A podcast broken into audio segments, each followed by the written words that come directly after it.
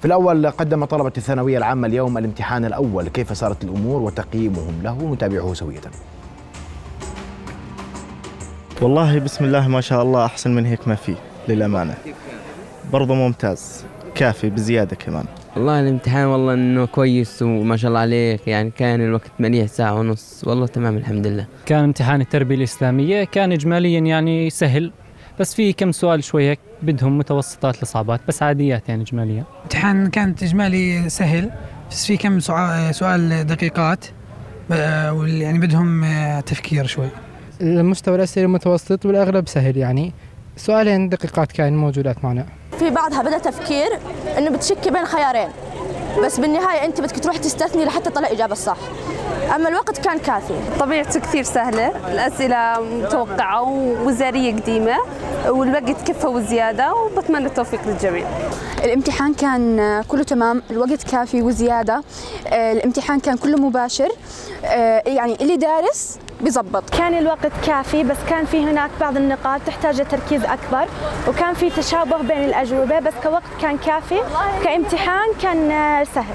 الوقت كان تمام الحمد لله بس الامتحان كان شوي دقيق وكان في بعض الأسئلة بدهم جوابين. مدة الامتحان كانت كافية والامتحان كان يصنف سهل وإن شاء الله خير. كان امتحان سهل الوقت كان كافي وزيادة للأمانة. حديثي أكثر أرحب بضيفي الدكتور عزمي محافظة وزير التربية والتعليم والتعليم العالي والبحث العلمي. مساء الخير عليك مساء النور. رؤيا بودكاست.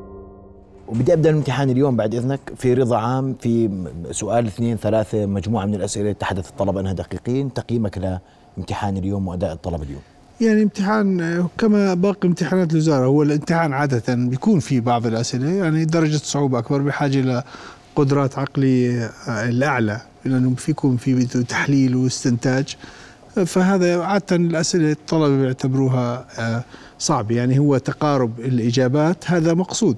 فإذا أخذنا الأسئلة بشكل عام عاده 40% بتكون أسئلة سهلة و40% متوسطة و20% هذول اسئله القدرات العقلية العليا. فهذا يعني طبيعي. ما يقوله يعكس واقع الامتحان فعلا. رضا اليوم كان في آه، رضا أنا بعتقد إنه كان جو الامتحان مريح ورضا وفي استعدادات الوزارة رغم يعني العدد الكبير جدا من المتقدمين اليوم حوالي 145 ألف طالب قدموا التربية الإسلامية وكان في استعدادات كثيره بكي أنت يعني في عنا حوالي 1860 مركز امتحاني الأسئلة توصل في نفس الوقت توزع على الطلبة والأسئلة أكثر من نموذج وتوزيع النماذج بالأسئلة.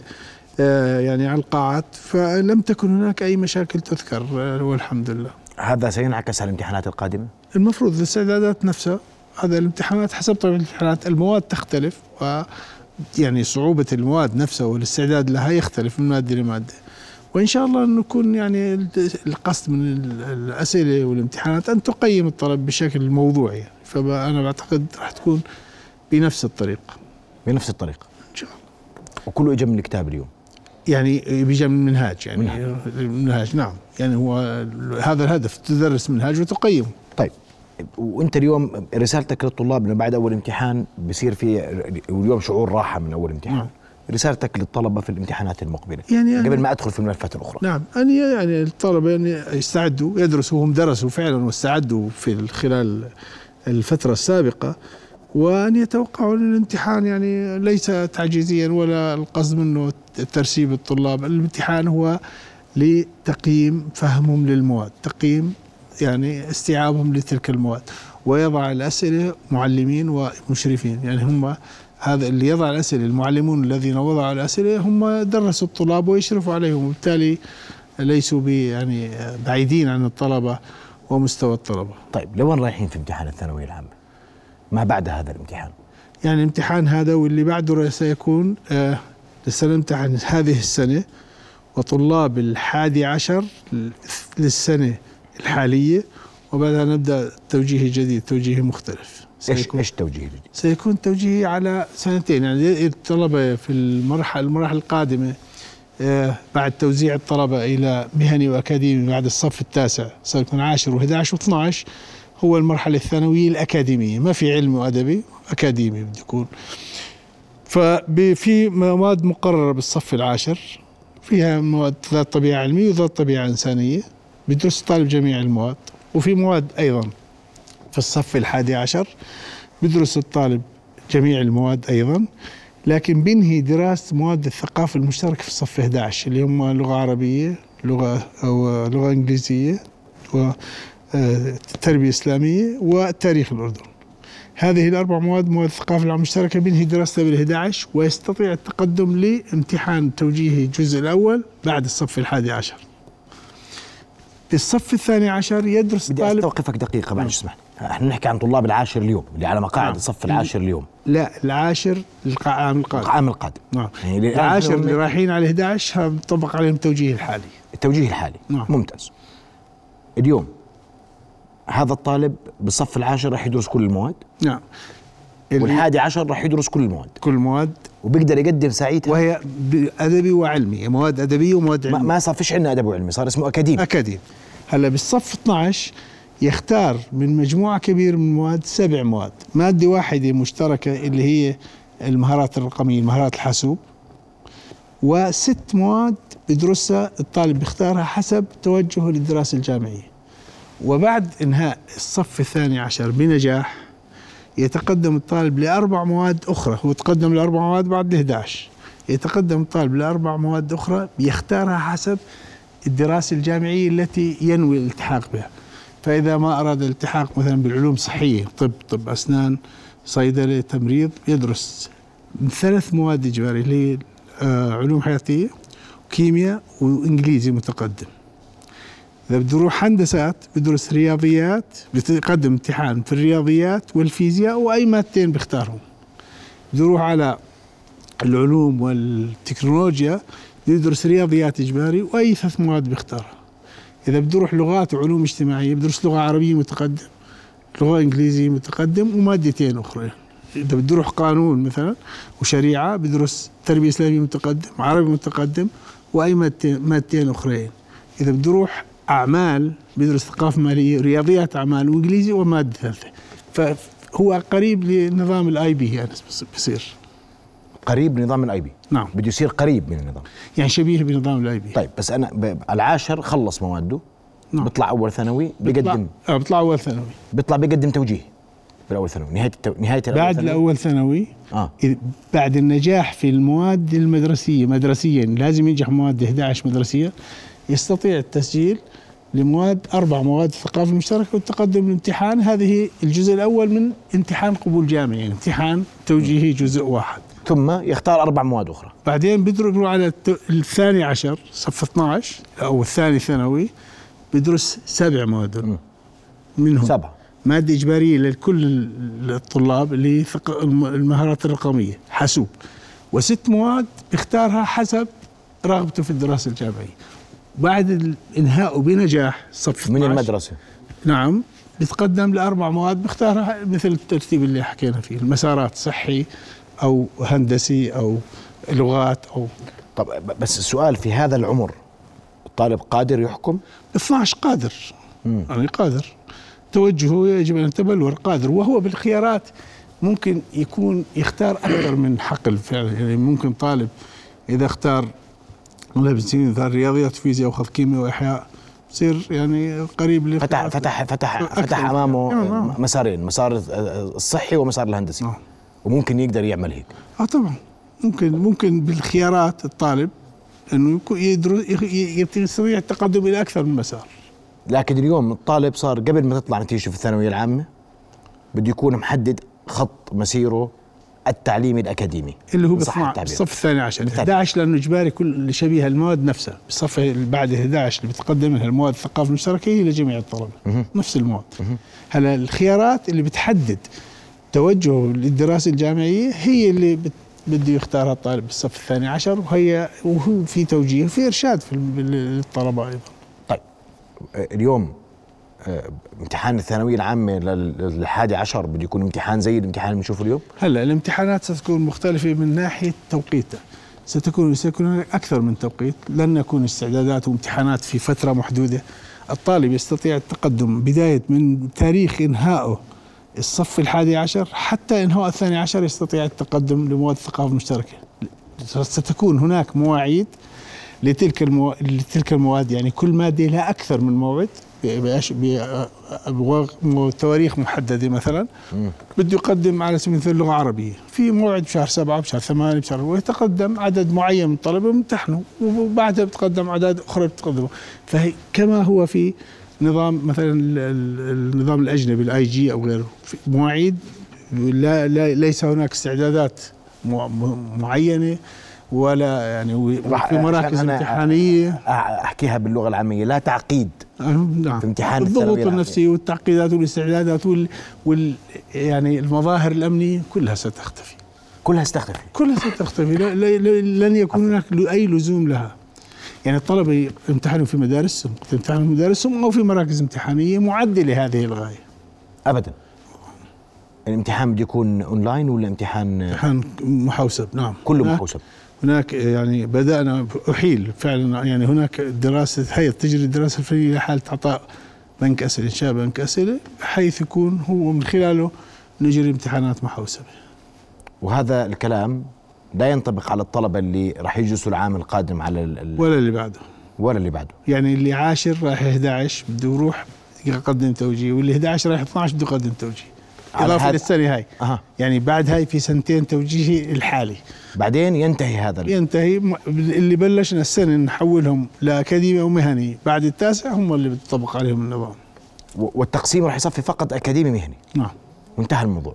أنت يا إما مختار وهذا ما اقره مجلس التربية فعلا وهو في يعني مرحلة الاستعدادات للبدء فيه بشهر تسعة يعني المناهج جاهزة وكل جاهز.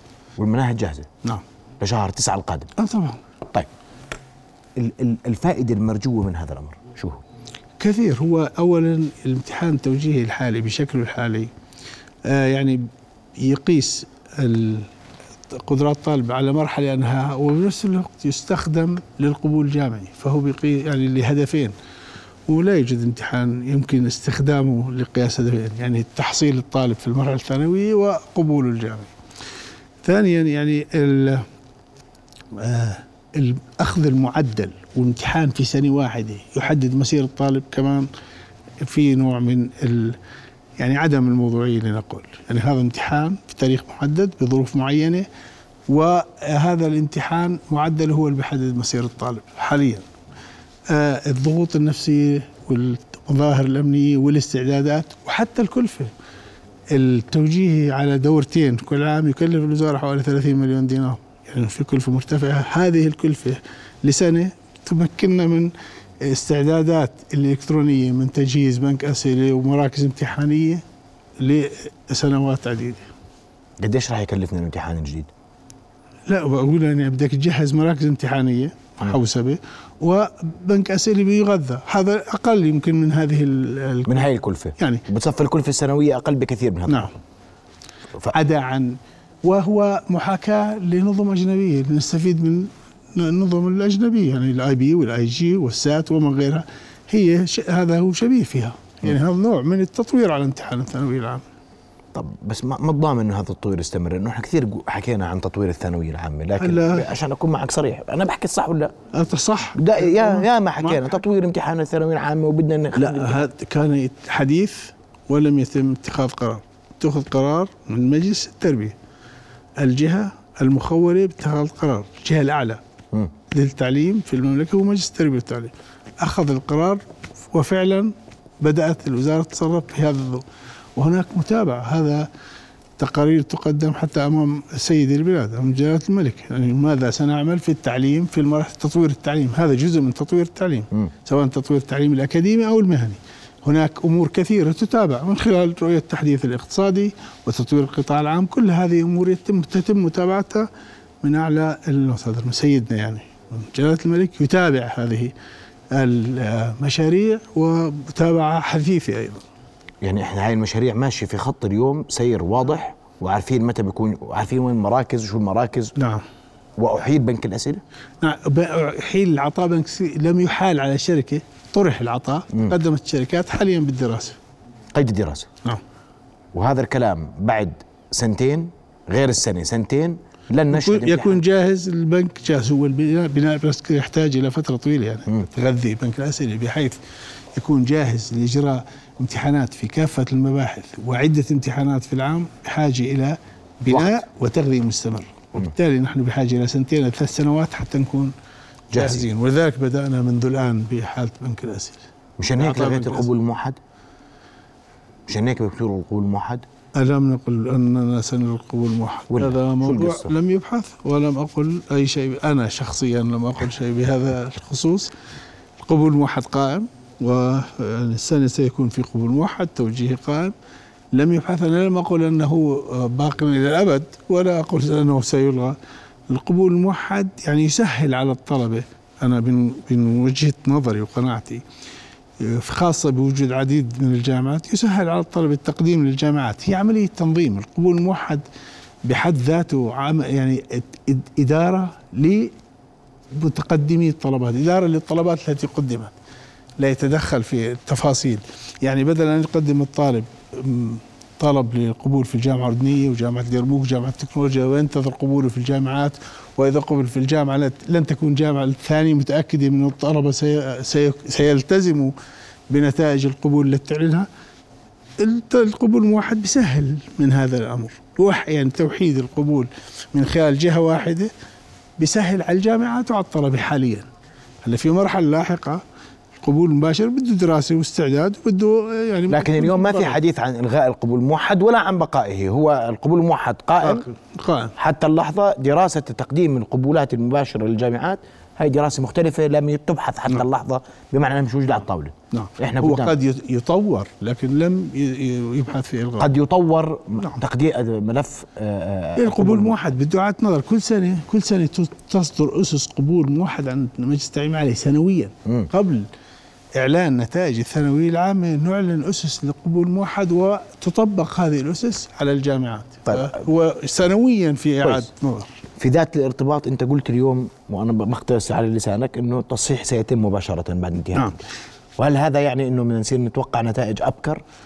هلا التصحيح في المواد كلها ما عدا ثلاث علوم رياضيات وعربي وإنجليزي لأنه فيها جزء تصحيح يدوي لأنه في أسئلة مقالية.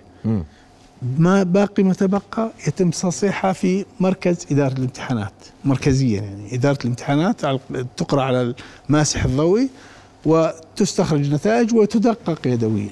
فهذا موضوع يعني تصحيح سهل. هلا في جزء المواد الثلاث اللي ذكرت الرياضيات وعربي وإنجليزي هذا بدأ تصحيح بمراكز تصحيح الامتحانات. وتبدأ ثاني يوم. يعني غدا سنبدأ بتصحيح التربية الإسلامية. تتوقع النتائج تكون أبكر السنة؟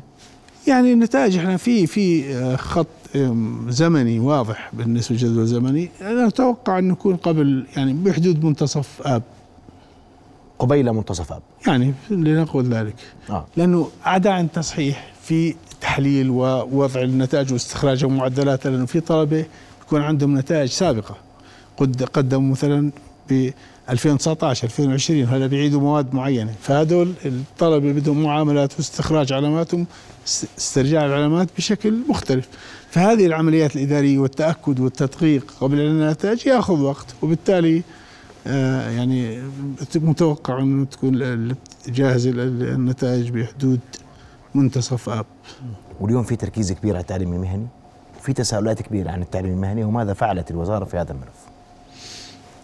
يعني أهم شيء التعليم المهني الوزارة بدأت تفكر فيه منذ أمد بعيد حقيقة أن نكون منصفين يعني أكثر من آه سنوات عديدة والوزارة تحاول تطوير التعليم المهني. تطوير المهني التعليم المهني سيبدأ آه من الصف العاشر يعني أصبح ثلاث سنوات بدل سنتين النظام القديم كان سنتين هلأ أصبح ثلاث سنوات. وفكرنا آه، ببناء يعني تطوير النظام الوطني للتعليم المهني بشكل فوجدنا أنه من الصعوبة أن لا نستفيد من تجارب العالم خاصة يعني إذا كانت هناك تجارب ناجحة في العالم فرأينا من المناسب أن نتعاقد مع جهة لها باع طويل وتجربة رائدة في التعليم. وهناك شركة اللي هي بيرسون آه لها نظام بسموه BTEC BTEC يعني Business and Technology Council هذا النظام مطبق إضافة لبريطانيا مطبق في حوالي 70 دولة في العالم. وهو آه، يبدأ آه، مطبق على ثلاث سنوات مستويات اثنين وثلاث. المستوى الأول هو النوع من التربية المهنية أكثر من التعليم المهني. وهو ضمن إطار المؤهلات الأوروبي فيه ست حتى درجة البكالوريوس في ست مستويات أربعة وخمسة وستة. هذا على المستوى بعد الثانوي المستوى الجامعي. إما بيكون على مستوى دبلوم سنتين أو ال level الستة بيكون بكالوريوس. وهناك أيضا في level سبعة وثمانية ماجستير ودكتوراه يعني تسكين على مستوى الماجستير والدكتوراه ففي هذا المجال ال level واحد مستويات واحد اثنين ثلاث في المدارس. level اثنين اللي سيطبق في العام القادم في الأردن هو 480 ساعة تدريبية. للطالب. للطالب في السنة. في السنة. 480 ساعة لأنه هذا النظام مبني على المشاريع. مشاريع ينفذها الطلبة ويتعلم من خلالها. يتعلم منها الناحية النظرية والناحية العملية من, من خلال تطبيق المشروع. فهو project based بنسميه project based ال 480 ساعة تعادل تقريبا 20 حصة أسبوعيا في نظام الحصص المتبع عنا وفي المستوى الثالث يدرس على سنتين 11 و12 يعني ال 480 ساعة الأولى بالعاشر و11 و12 ب 720 ساعة بواقع 360 ساعة في كل سنة. 360 ساعة تدريبية. هاي بتعادل 15 حصة أسبوعيا. ف سيطبق نظام بيتك. تم التعاقد مع وحي العطاء ووقعنا اتفاقية مع الشركة على تطبيقه بشكل كامل من حيث يعني تحليل المستلزمات متطلبات تطبيقه بالأردن الكشف عن المختبرات التجهيز آه، المنهاج الذي سيطبق تدريب المعلمين على تطبيقه والإشراف وضبط الجودة فيما يتعلق بهذا البرنامج. وكل هذه الأمور تقريبا يعني وقع اتفاقية تشملها هذه الاتفاقية. وتم تدريب المعلمين فعلا. الدفعة الأولى من التدريب, من التدريب تمت أونلاين وسيكون لدينا في نهاية شهر سبعة وبداية شهر ثمانية باقي التدريب العملي. سيتم تدريب كافة معلمي التدريب المهني التعليم المهني في الأردن حوالي 1600 معلم سيتم تدريبهم وعلى أن نستقبل بحدود 18 ألف طالب. هذه الطاقة الاستيعابية أو 18 ألف ل 20 ألف طالب هي الطاقة الاستيعابية اللي ممكن نستوعبها في مدارسنا في الأماكن في مدارس التعليم المهني. بدخل 18 ألف طالب 20 ألف طالب في التعليم المهني اليوم؟ حاليا كل التعليم المهني بالوزارة هم 29 ألف تقريبا أقل من 30 ألف بقليل. هلا سن إحنا طب كيف هدفنا آه. هدفنا نزيد الالتحاق بالتعليم المهني وبالتالي التخطيط المستقبلي والقريب هدفنا نبني مدارس. إحنا عندنا حاليا تمويل لبناء 11 مدرسة مهنية. موجود التمويل نعم. م. هذه المدارس ستبنى في آه، مختلف آه، مناطق الأردن لتغطي مناطق الأردن بشكل كامل. وهي ليست يعني لن نتوقف سنزيد عدد المدارس المهنية. في استفتاء للطلبة وإحنا في المراحل النهائية من تحديد الطلبة اللي بيلتحقوا بالتعليم المهني. في استفتاء الطلبة اللي هم حوالي 146 ألف طالب حوالي 34 ألف طالب اختاروا التعليم المهني حتى في بشكل مبدئي. لن نتمكن هذا العام يعني بشهر تسعة القادم لن نتمكن من استيعاب 34 ألف. هذول بيمثلوا 23% من الطلبة اللي تم الذين تم استفتائهم وهو رقم كبير. يعني عادة نسبة الالتحاق بالتعليم المهني عندنا 11% فقط. اليوم صارت 23 لا هذا اللي تقدم بقول استفتاء. الاستفتاء. آه.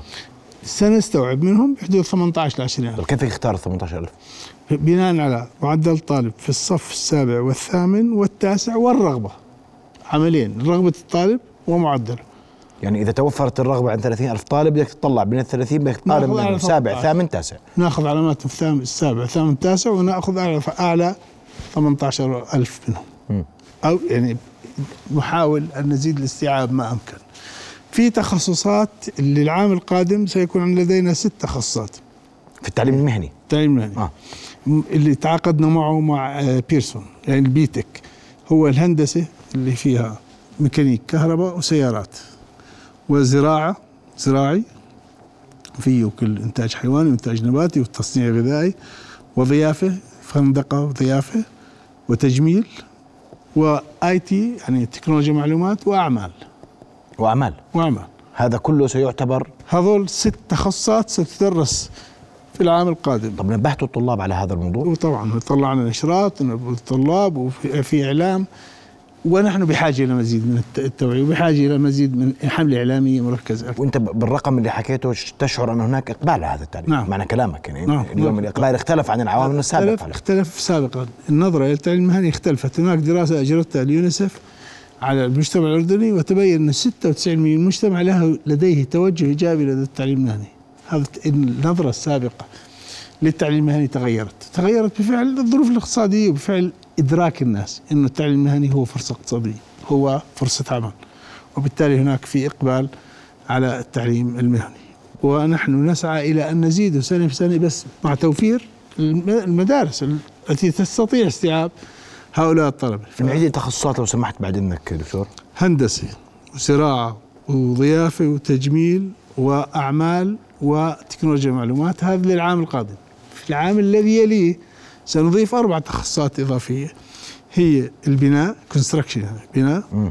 والسياحة والسفر والفن والتصميم art and design ووسائط إبداعية creative media وقد نزيد في يعني مباحثات مع الشركة في تخصصات خاصة بالمنطقة عنا ممكن يطورون لنا برامج إلها زي إيش؟ اللي هي مثل حداده ونجارة يعني نجارة وحدادة لأنه بدنا هي موجودة في أكثر من يعني يعني البناء فيه نجارة والفن والتصميم فيه نجارة وإلى ذلك.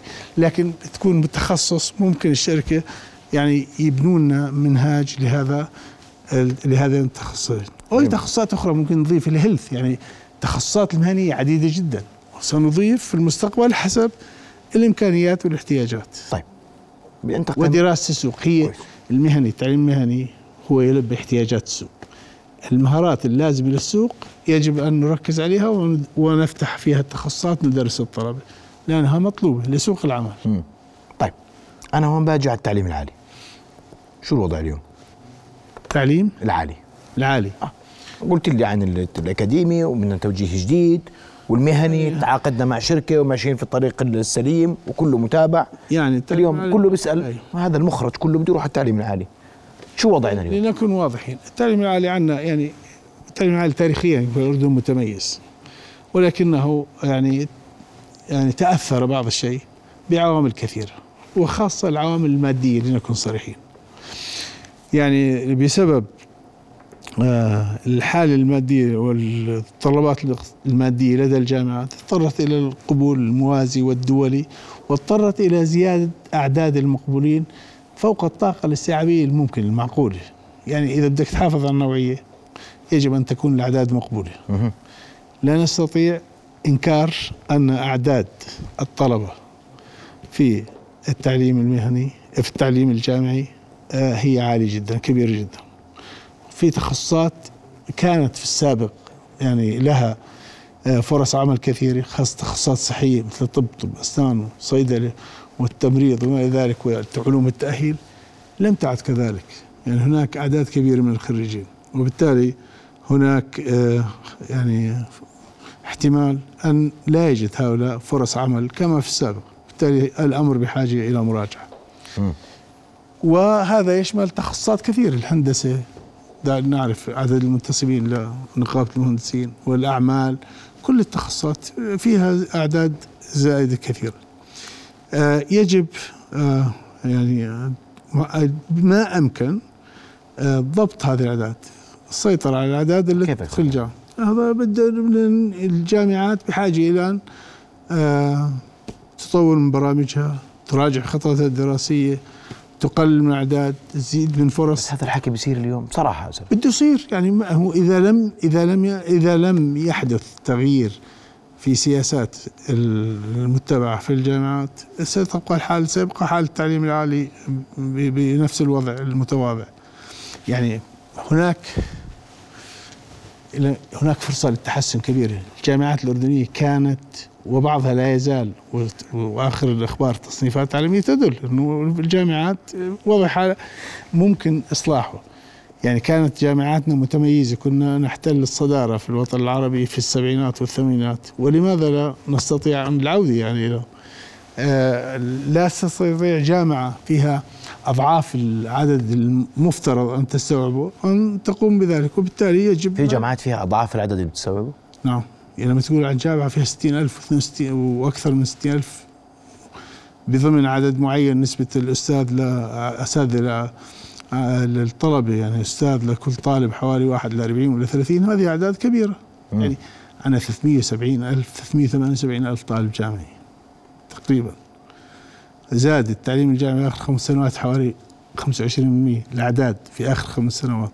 وكل هذه الزيادة بفعل يعني الظروف الاقتصادية. الجامعات بحاجة إلى زيادة أعداد القبول لتوفر دخل لتمكن من يعني إيفاء متطلبات إدامة العمل. طيب اليوم في إلغاء لوزارة التعليم العالي عشان أسألك سؤال واضح. ولكن آه، تفضل ولكن. ولكن هذه مسؤولية الجامعات بشكل أساسي. أنا دوما أقول إنه لا يمكن لوزارة ولا لجهة رسمية أن تطور الجامعات من الخارج. التطوير يحدث من داخل الجامعة. وبالتالي هي مسؤولية ادارات الجامعيه أن تطور من آه، واقع الجامعات. ما هو اللي ما راح يتطور ينتهي. وتمكينها أهل التمكين المادي موضوع بده يدرس بشكل جيد. يجب توفير الدعم المالي للجامعات. من خلال رسومها الجامعية من خلال الدعم الحكومي هذا موضوع بحاجة إلى دراسة. إلغاء وزارة التعليم العالي. نعم. دور الوزارة وينها؟ وزارة التعليم العالي حقيقة يعني العلاقة مع الجامعات محدودة جدا من من خلال الإدارة اليومية الإجراءات الجامعية ما يتم في الجامعات. يعني الجامعات فيها كليات وكل كلية لها مجلس أقسامها لها مجالس وهناك مجلس كلية. والكليات مجتمعة لها مجلس عمداء وهناك في الجامعة مجلس جامعة وهناك مجلس أمناء وكل هذه المجالس لها صلاحياتها. ولا تدخل لمجالس التعليم العالي في الصلاحيات على الإطلاق. مجلس التعليم العالي محصور في القبول الجامعي في تعيين رؤساء. ينتهي دورها بتعيين رئيس مخ. لكن لا تستطيع الوزارة وزارة التعليم العالي كوزارة التدخل في العمل اليومي للجامعات. من يملك ذلك ومن خلال القانون هو مجلس التعليم العالي. ومحدود الصلاحيات الأمور التي يستطيع مجلس التعليم العالي التدخل فيها محددة بالقانون وهي قليلة. طيب يعني في إلغاء لوزارة التعليم العالي. نعم. نعم. نعم وزارة التعليم خطة تحديث القطاع العام واضحة جدا. هو إلغاء وزارة التعليم العالي وإنشاء وزارة جديدة وزارة التعليم وتنمية الموارد البشرية أو وزارة التربية وتنمية الموارد البشرية. وهي وزارة واحدة تندرج تحت التعليم العالي. نعم. سيندرج تحت التعليم الطفولة المبكرة يعني من الرو من الحضانة أو من عمر صفر إلى عمر ثمان سنوات. هي تعريف الطفولة المبكرة. والتعليم الأساسي والتعليم الثانوي والتعليم العالي والتعليم المهني. هذه كلها ستندرج تحت إطار هذه الوزارة. وين صارت هذه الوزارة؟ يعني المشروع قدم هناك استشارات حول آلية تنفيذه. وأصلا المشروع مقترح تطوير تنفيذه على فترة طويلة يعني مع نهاية 2024 المشروع مش إلغاء بين يوم وليلة وثاني يوم تطلع وزارة جديدة. هذا بحاجة إلى كثير من استعدادات تنظيم وتشريعات وما إلى ذلك ثم آه، تصبح يعني الوزارة المفترضة قائمة فهي بحاجة إلى وقت. نعم. أنا بدي أشكرك كل الشكر معليك وأشكر صراحتك ووضوحك في كل ما ذكرت. نتمنى التوفيق طلبة الثانوية العامة. نتمنى لكم التوفيق في كل ما ذكرت. ونأمل أن يكون هذا فعلا نهضة كبيرة في التعليم في الأردن. أشكرك جزيل الشكر دكتور عزمي. رؤيا بودكاست.